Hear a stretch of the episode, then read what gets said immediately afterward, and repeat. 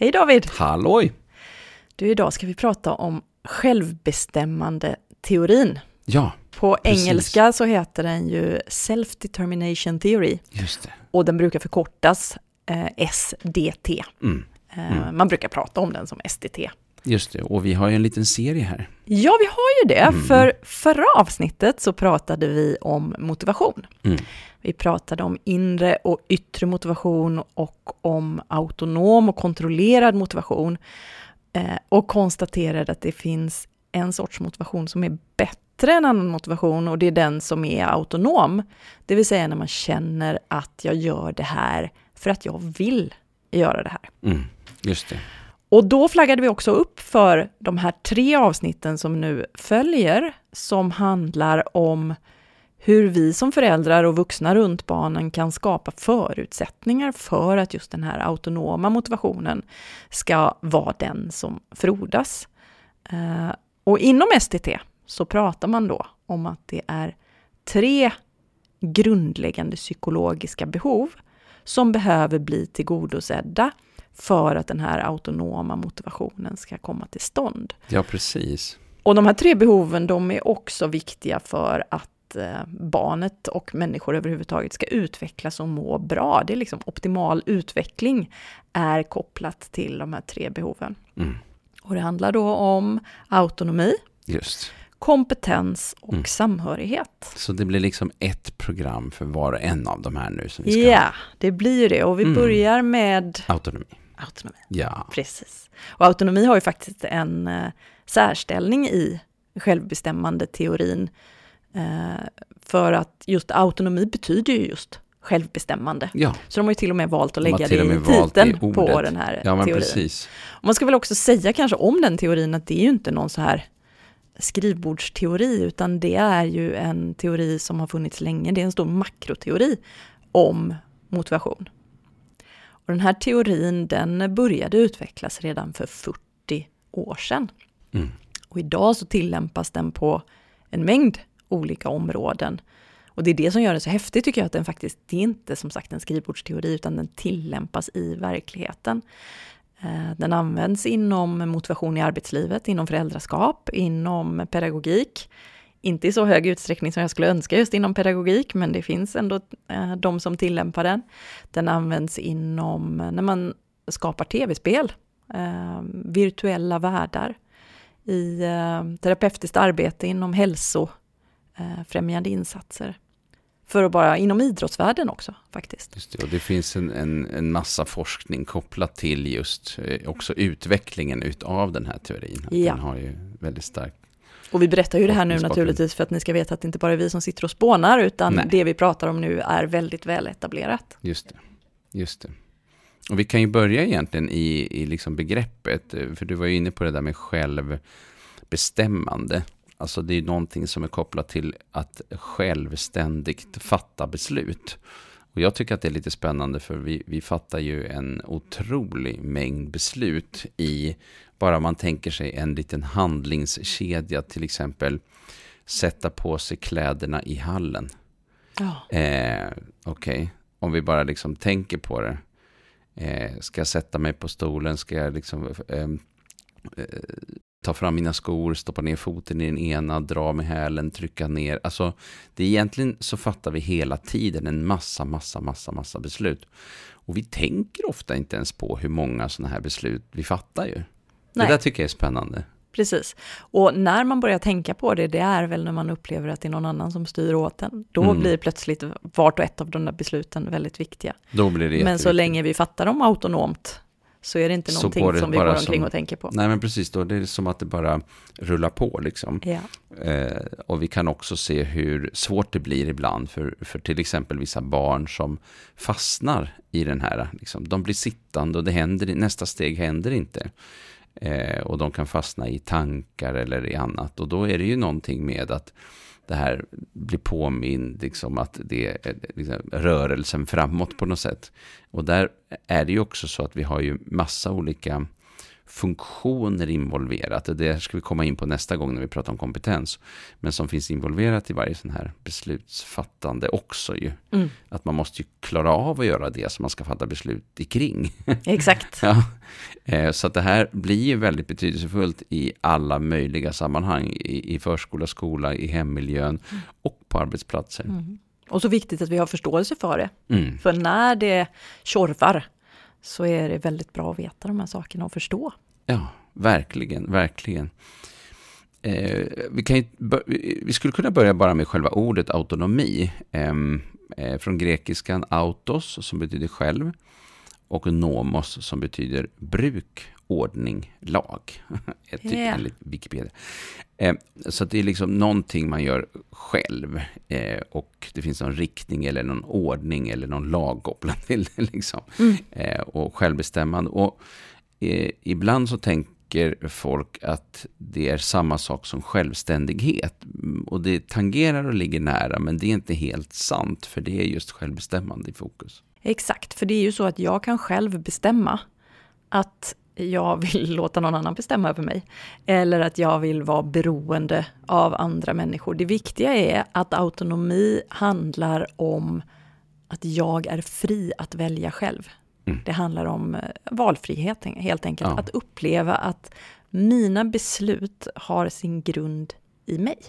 Och man har faktiskt tittat på, det här tycker jag är ganska viktigt, eh, för länge så drogs STT-teorin med kritiken att det var en eh, västeuropeisk och amerikansk teori. Man pratade om att det är bara i de individuella kulturerna där det är viktigt med autonomi. Mm. Men de har ju faktiskt tittat på hur väl den här teorin håller även i andra eh, kulturer och det har visat sig att den stämmer väldigt bra. Även där, där. även i kollektivistiska kulturer. Mm. Eh, För det handlar inte om att vara självständig eller att liksom alltid vara individuell, utan det handlar om upplevelsen av att själv kunna välja. Mm. Mm. Just det, det där är ju väldigt eh, spännande och eh, det, det är därför som det blir så otroligt väsentligt att man också kikar på det utifrån eh, liksom olika samhällsstrukturer. Mm. Så det är ju jättespännande. Ja. Mm. Stöter du på det här då i, i ditt arbete, David? Mm. Snack om autonomi? Eh, ja, kanske mest då utifrån idén om eh, självständighet. Mm. Eh, alltså på det sättet. Mm. Eh, Men sen har vi också begreppet autonomistödjande pedagogik som jag eh, tycker är en, en spännande liksom, frågeställning som ju handlar om en pedagogik som stöttar autonomi och som också ligger i den andra vågskålen i relation till ett sånt begrepp som, som eh, lydnad eller liksom att man ska bara följa den som har bestämt någonting eller sagt någonting. Exakt. Eh, som, som, eh, som ju ändå, om vi tittar på skola och förskola, sko, alltså målsättningen är ju att eh, individer ska bli ansvarstagande individer. Så ansvar eh, finns ju och självstyrning och ansvar, alltså de typerna av frågor finns ju med i, i läroplanerna. Mm. Men eh, en del har liksom att vägen dit är väldigt mycket att man eh, ska göra det som är sagt. Just det. Och särskilt när det krånglar så kanske en del vuxna går, går in i det där läget att de ska få eleverna, alltså de, de börjar jobba med disciplin helt enkelt. Mm, precis. Jag la faktiskt ut senast igår en sån här meme-bild på Instagram eh, där det var en förälder som kramade sitt barn och så var det ett eh, tänkt citat från den här föräldern där det stod att eh, när du blir stor då vill jag att du ska vara självständig och kreativ och ansvarstagande. Mm. Men nu när du är liten så vill jag att du ska lyda och vara anpassningsbar. Ja, Eh, och jag tror att vi ibland hamnar, både föräldrar och pedagoger, i den Mm. fällan att just nu så vill vi gärna att barnen ska göra som vi vill. Mm. Men på sikt så vill vi ju inte att de ska göra Nej. som andra människor vill. Det är ju ingen som drömmer om att barnen ska bli liksom medlemmar i en sekt eller Nej, gå med i precis. Hells Angels eller liksom Mm. drivas av någon stark auk- auktoritet. Eh, och då tänker jag att det är superviktigt att påminna sig om att barnet behöver få träna på autonomi när de är små, Mm. för att de ska kunna hantera det när de är stora. Vi behöver ju öva på grejer Ja, för att lära öva. oss. Liksom. Ja, men absolut. Sen tror jag ibland att det uppfattas som att när man pratar om autonomi, att det uppfattas som att en treåring ska få bestämma allt, typ. Och det är ju absolut inte det Absolut vi inte. pratar om nu, utan jag Eh, Jag brukar när jag beskriver det här rita ut tre cirklar, Mm. där den innersta cirkeln är liksom det lilla barnet. Eh, och när barnet blir lite äldre så blir cirkeln inom vilken barnet får bestämma själv och vara autonom lite större. Och sen i tonåren så behöver den där cirkeln vara Mm. väldigt stor. Eh, för att barnet så småningom när hon blir vuxen ska kunna Ska styra kunna. sig själv inom Mm. hela liksom, sin livssfär. Och det här som ofta är svårt för, för, eh, för tonårsföräldrarna, Mm. eh, eftersom det, eh, tonåringarna eh, driver den här frågan om självbestämmande väldigt hårt och föräldrar som har svårt att eh, eh, hitta till en dialog där och ett kommunikationssätt blir, eh, kan, bli, kan, få väldigt, det kan bli väldigt jobbigt. Ja. Men sen har vi också det faktum att en del ungdomar inte är så mogna att fatta en, en rad olika beslut, vilket gör att vi, vi kommer att behöva begränsa till exempel 15-åring på fest och det är massa dricka och allt möjligt. Alltså alla de här frågorna. Det finns ju massa fallgropar i allt det här. Mm. Så att det är ju jättekomplext. Det är det verkligen. Och Mm. jag får ibland frågan så här, men vad kan man begära av en 15-åring? Ja. Hur mycket ska en 15-åring få Ja. bestämma själv? Och man bara, ja, det beror ju på vilken det beror på. 15-åring du har. Ja, precis. liksom. ja. Ja. Eh, För det går ju helt enkelt inte att svara Nej, på, utan precis. det handlar ju om att liksom stämma av vad är det för just individ som Ja. du är förälder Mm. till. Och som du pratade om tidigare, vilka funktioner och förmågor har den här individen? precis. Ja. Just det. Så vad gör barn och unga då när de... Hur tar det sig uttryck Mm. när de söker autonomi? Har du några exempel på det David? Alltså vi kan ju börja med de små barnen. Mm. Vi har ju, jag tycker att det är, det är ju intressant när vi tänker trotsålder och Ja. själva begreppet trots har vi ju pratat om tidigare, Mm. för den som är intresserad av, av att kika på det. Men, men ehm, det är ju ofta ganska mycket kopplat till just frågan om att jag kan själv, jag vill själv, jag vill också fatta beslut själv. Mm. Liksom så. Ja, det är ju som att... Alltså jag tänker att det, det nyfödda barnet har ju ett väldigt litet behov av autonomi. Ja. Om det överhuvudtaget finns. De kan ju inte ens skilja på dig, dig och mig. Nej, liksom. nej, nej. Utan det är ju i två, treårsåldern ungefär som barnet för första gången får liksom kon på sin egen vilja och sin förmåga att påverka omgivningen. Ja, det finns ju eh, exempel tidigare. Vi, vi kan ju ta det här med till exempel, eh, om vi går tillbaka ännu tidigare, vi kan ta ettåringen, ett och ett halvt-åringen som plötsligt har upptäckt lysknappen och som Jo. trycker och trycker. Och eh, sen till slut så säger, hittar de vuxna på någonting om att det är farligt, det kan börja brinna eller någonting, vilket är ju helt galet, det stämmer ju inte alls. Men liksom, och där är det ju, eh, det där är ju lite intressant att man, att man börjar upptäcka vid någon viss ålder att jag kan påverka verkligheten, jag kan påverka situationen. Det har vi ju inte hos det nyfödda barnet. Nej. Men sen den här starka strävan att kunna driva sig själv framåt och sätta på sig kläder själv, eller jag kan själv, jag ska besluta själv vad jag ska ha på mig och det blir lite hipp som happ liksom. Den, den kom ju där de första liksom, Ja. åren, lite, de har kommit lite Och högre. jag tänker att det är ju superhäftigt och helt nödvändigt Mm, att ja. barnen utvecklar det här. Och så kallar vi vuxna det för ja, men det är trotsålder. intressant. Ja, men precis. Alltså, Mm. vem vill inte att ett barn utvecklas i riktning mot Nej, självständighet? precis. Och att det är jobbigt, det kan man ju fatta. Och Ja. det är ju intressant, är för jobbigt. själva begreppet trots innehåller ju egentligen ingenting, det låter inte positivt. Nej. Det, det är bara så. Trots är ingenting som vi uppfattar som positivt. Eh, men det som det innefattar, att gå i riktning mot ökad autonomi, är ju någonting som vi ser som positivt. Mm. Så det är inte intressant att vi har benämnt en, ett typ av fenomen med någonting som vi ser som negativt, samtidigt som vi egentligen tycker att det som ligger bakom det, eller det som vi vill att barnet ska gå i riktning mot, faktiskt är någonting Ja, positivt. väldigt paradoxalt. Ja, väldigt paradoxalt faktiskt. Mm. Och det kanske mer är ett uttryck för eh, dels själva idén om att kanske eh, eh, alltså lydnadsorienterat förhållningssätt, alltså man, barn ska eh, lyda vuxna och om vi går tillbaka i tiden också, eh, liksom, så har det ju ändå varit så att, att eh, det har varit mycket mer auktoritärt också Mm. hö, eh, högre upp i systemet. Exakt. Eh, så, att, så att vi har ju, och, och då kan man ju säga att hela våran, liksom, alltså läser man läroplan till exempel, den är ju jättesnyggt skriven. Mm, Alltså den är ju jättefin liksom. verkligen. Sen finns det massa problem med den, det är en annan femma. I men liksom- förverkligandet av den, ja. ja, Men, i förverkligandet. med själva texten. Och det gäller ju alla de här olika, ja men mänskliga rättigheter, barnkonventionen, Mm. massa lagtexter. Liksom, det finns en grund där som är jättefin. Ja. Eh, så. Mm. Okej, men nu var vi nere här på tre års ålder. Men när de blir lite äldre då, vad ser du där? Ja, men det är ju i den bästa av världar så Mm. är det ju barn som säger eh, kan inte jag få bestämma? Kan jag få försöka själv? Mm. Eh, du behöver inte fixa det här längre för mig. Eh, du behöver inte hämta mig på fotbollen längre. Jag cyklar hellre hem själv så jag får eh, välja när jag Just kan det. göra det. Jag hade en familjevägledning och de berättade om hur deras dotter gång på gång sa, ni bestämmer bara allting, men jag måste också få vara med och bestämma så det blir bra för mig också. Mhm, just det. Och jag Bra. tyckte det var så himla fint och då, hon kunde ju inte vara så himla mycket tydligare. Nej, Att hon verkligen längtar efter mer just det. Och få inflytande och få möjlighet att få påverka sitt eget liv. medbestämmande. liksom. Ja, men precis ja. precis. Mm, Mm. mm. Just det.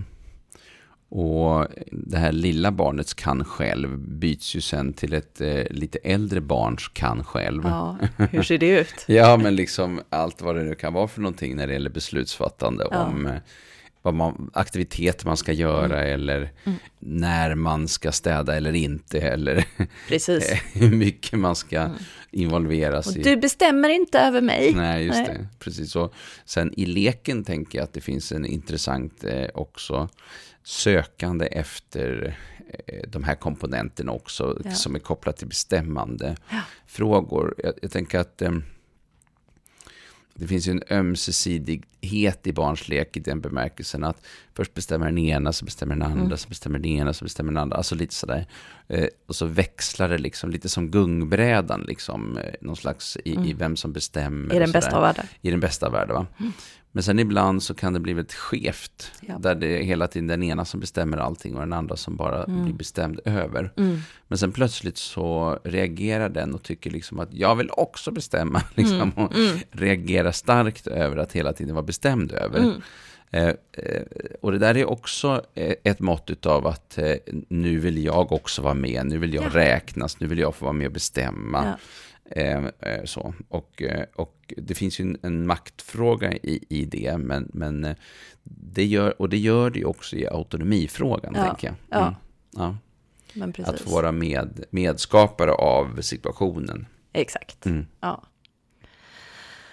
Och sen så finns det barn eh, som inte lyckas få självstyre Mm. över sig själva. Och det kan ta sig lite olika uttryck. Mm. Dels finns det ju eh, de barnen som liksom blir uppgivna, tänker jag. Mm. Och slutar försöka, slutar försöka påverka. Eh, som att de är, jag brukar kalla dem för välskrämda, Mm. de barnen. Eh, har du sett sådana barn? Ja, det finns ju, eh, tänker jag, på alla möjliga håll. och det kan finnas lite olika bakgrund kring det, för jag tänker att eh, skrämd är ju ett brett begrepp, eller vad man ska säga, eller bakgrunden till det.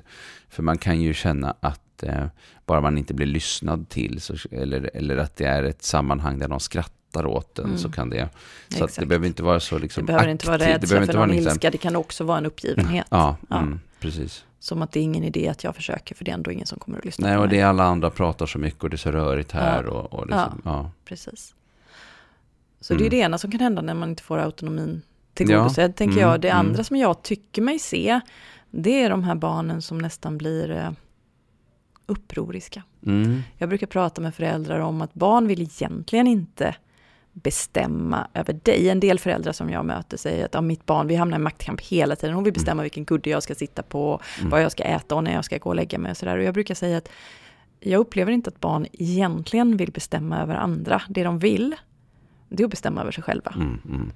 Och när de inte får det, då kan de hamna i ett läge där de börjar försöka bestämma över andra. Mm, Så att som att när autonomin inte tar sig sunda uttryck eller erbjuds sunda arenor så är det inte ovanligt tycker jag mig se att barn och vuxna hamnar i maktkamp. Mm, mm, Eh, om det handlar om dominans, du ska inte bestämma över mig mm, eh, och jag ska gärna bestämma över dig. just det. Ja. Mm. Eh, och det som är så sorgligt som jag tycker mig se då, det är att väldigt många vuxna hamnar just i att gå in i den där maktkampen. För man tänker att man ska visa barnet att det här att vara upprorisk och trotsig, det funkar minsann inte. Mm. Och så sätter man hårda gränser och liksom knyter nätet kring barnet hårdare. Och problemet är att då blir det ju ännu svårare för barnet att få det där självstyret som hon egentligen i grunden längtar efter. Eh, och en del barn blir uppgivna. Andra barn svarar ju med att bli ännu mer upproriska. De vrider upp volymen ännu mer ja, på, på sin maktkamp och då tänker de vuxna, det var då själv, fan att han inte kan göra som jag säger. Och så blir det ännu mer sanktioner, mm. ännu mer gränser, ännu mer konsekvenser. Mm. Och så håller det på så. Mm. mm. Det är som en helt uh, sorglig mm. maktkamp. Och där tänker jag att det som de vuxna egentligen behöver göra, det är att försöka se behovet bakom beteendet. För bakom det här som de vuxna tycker trotsiga, upproriska beteendet finns ju i grund och botten väldigt ofta då en strävan efter att få bestämma över sig själv, mm. att vara autonom. Eh, och då behöver de vuxna se det behovet hos barnet eller ungdomen och möta det.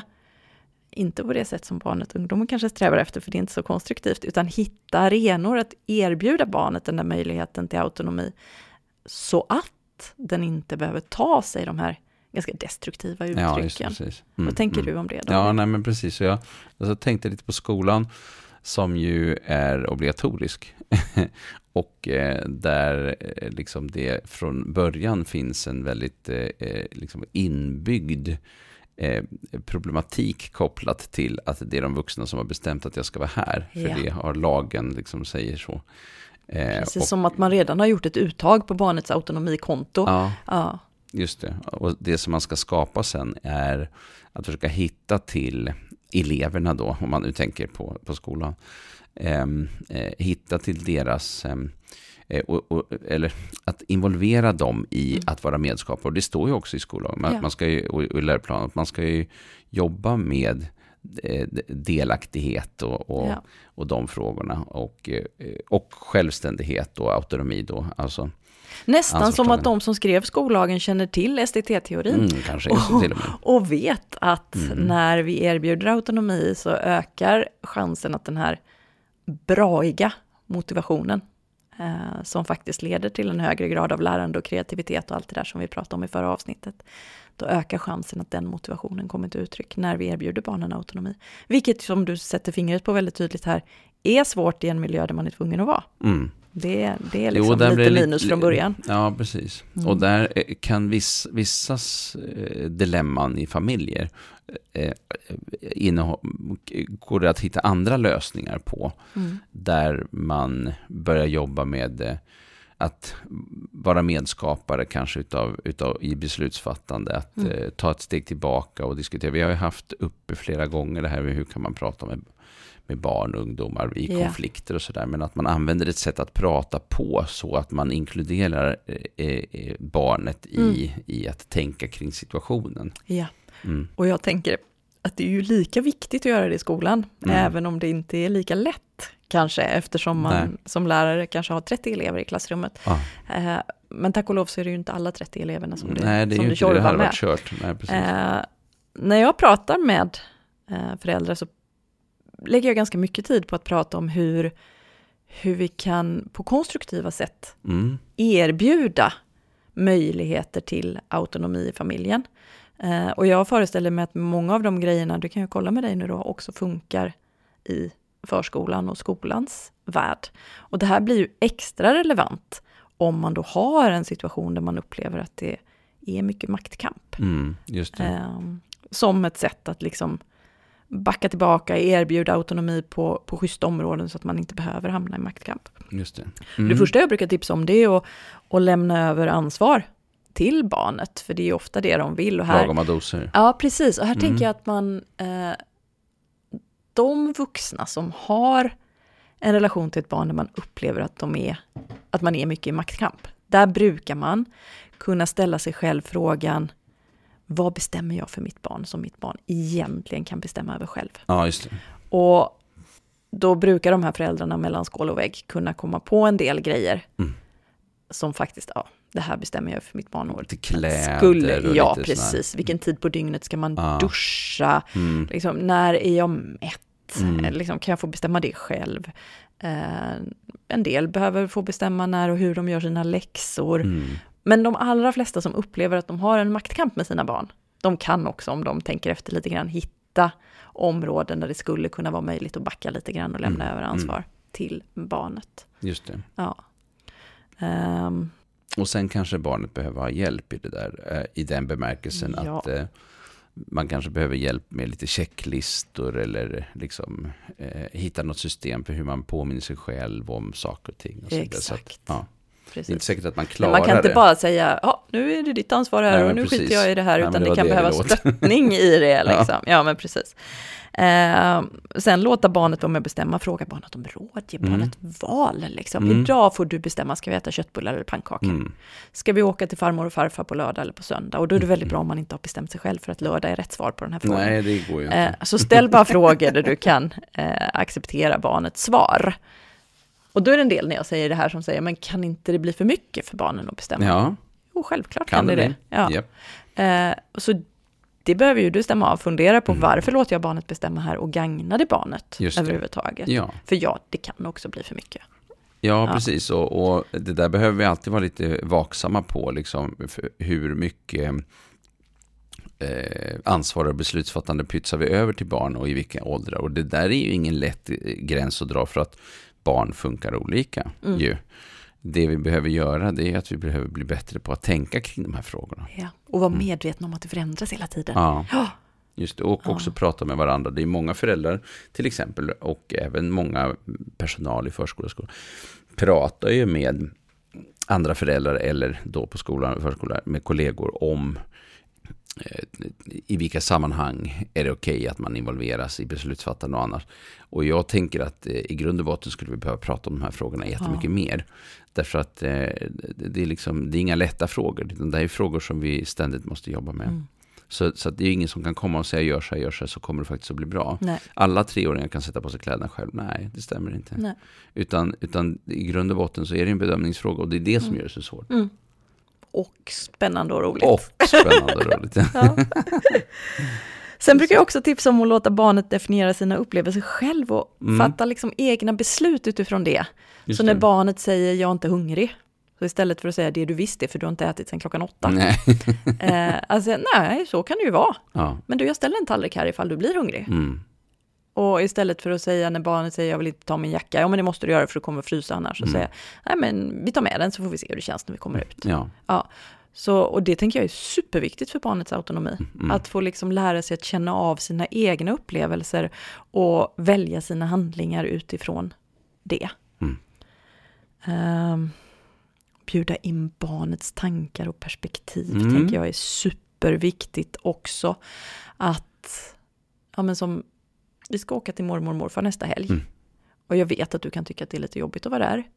Finns det någonting som vi kan tänka på och planera för som gör att det blir lite lättare för dig? Här tror jag, jag vet att det spelar jättestor roll Mm. För det. barnets upplevelse av att vara delaktig Ja. i bestämmandet. Liksom. Just det. Och Ja. vi har haft uppe det lite tidigare. Vi har pratat om jul vi har pratat om andra så här. Ja, Men det här med att, att veta lite grann vad som ska hända och vad man ska göra. ja, Eh, och att involvera barnen i att tänka kring då vad är det man kan göra, där, vilka aktiviteter kan man ta med, vad kan man ta med sig, kan man, liksom, vad finns det för möjligheter ifall det blir liksom så tråkigt så att man liksom vill vägra och sånt. Och, då, och, och, och just det här med att få vara involverad i beslutsfattandet kan ju underlätta det. Sen kan det finnas andra typer av problem i vissa familjer i de här familjerna som har ja, men barn med olika eh, lite eh, större svårigheter. Liksom mm. så, så är det ju väldigt mycket av säga, vanlig barnuppfostran som inte funkar så bra. Får man ändå säga.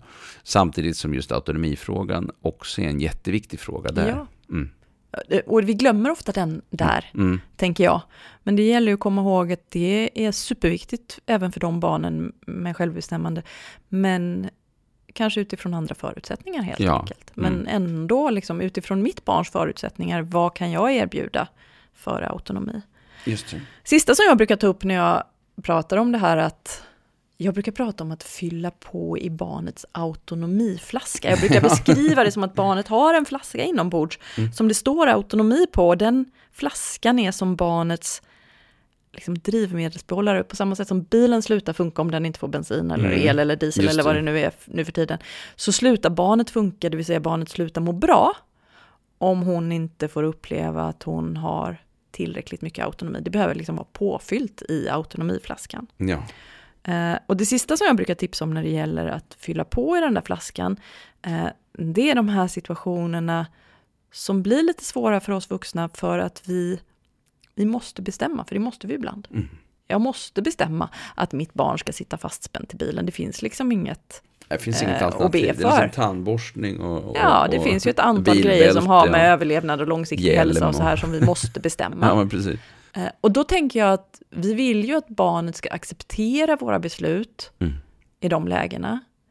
Och det är mycket lättare för barnet att acceptera mitt beslut om hon har tillit till att jag vill henne väl. Och den tilliten, den ökar ju om jag förklarar varför jag fattar det här beslutet. Eh, så istället för att säga för att jag säger så, eller för att så länge du bor under mitt tak så är det jag som bestämmer. Att faktiskt försöka förklara att ja, det är superviktigt för mig att du går här bredvid mig på trottoaren för att jag är, är mån om dig och vill inte att du ska bli påkörd. Och nu när vi är på biblioteket så eh, vill jag att du är tyst för att vi inte ska störa de människorna som sitter här och läser i lugn och ro och inte bara Shh, man är tyst på bibliotek. Mm, nej, just det. Eh, för att det där gör det helt enkelt lättare för barnet att tro på att när mamma eller pappa bestämmer så är det för att det finns någonting viktigt bakom helt enkelt. Mm. Mm. Så om vi rundar av här David, mm. Eh, så tänker jag att vi har pratat om vad autonomi är. Ja. Vi har pratat om hur det kan se ut när det tar sig liksom konstruktiva uttryck. Vi har också pratat om hur det kan se ut när det blir mer destruktivt. Blir mer destruktivt. Mm. När vi hamnar i maktkamp mm. och i undvikande. Och sen så slutligen så har vi pratat om hur vi som vuxna runt barnet kan hjälpa barnet att ha påfyllt och få påfyllt i det som jag då kallar för autonomiflaskan för att liksom må bra och också för att det då, som vi inledde med, gagnar den autonoma motivationen. Och där tänker jag att det är intressant att eh, då som förälder eller som personal inom verksamhet med, med, med barn att fundera över i vilka sammanhang skulle vi kunna tänka oss att öka på den här autonomin eh, eller eh, av självbestämmandet och eh, skulle jag kunna pröva mig fram där och se vad som händer. så, och reflektera lite grann över den egna vardagen och se var någonstans finns det, skulle jag kunna tänka mig att öppna upp för den frågan. Mm. Mm, just den frågan brukar jag erbjuda eh, både föräldrar och pedagoger när jag pratar med dem.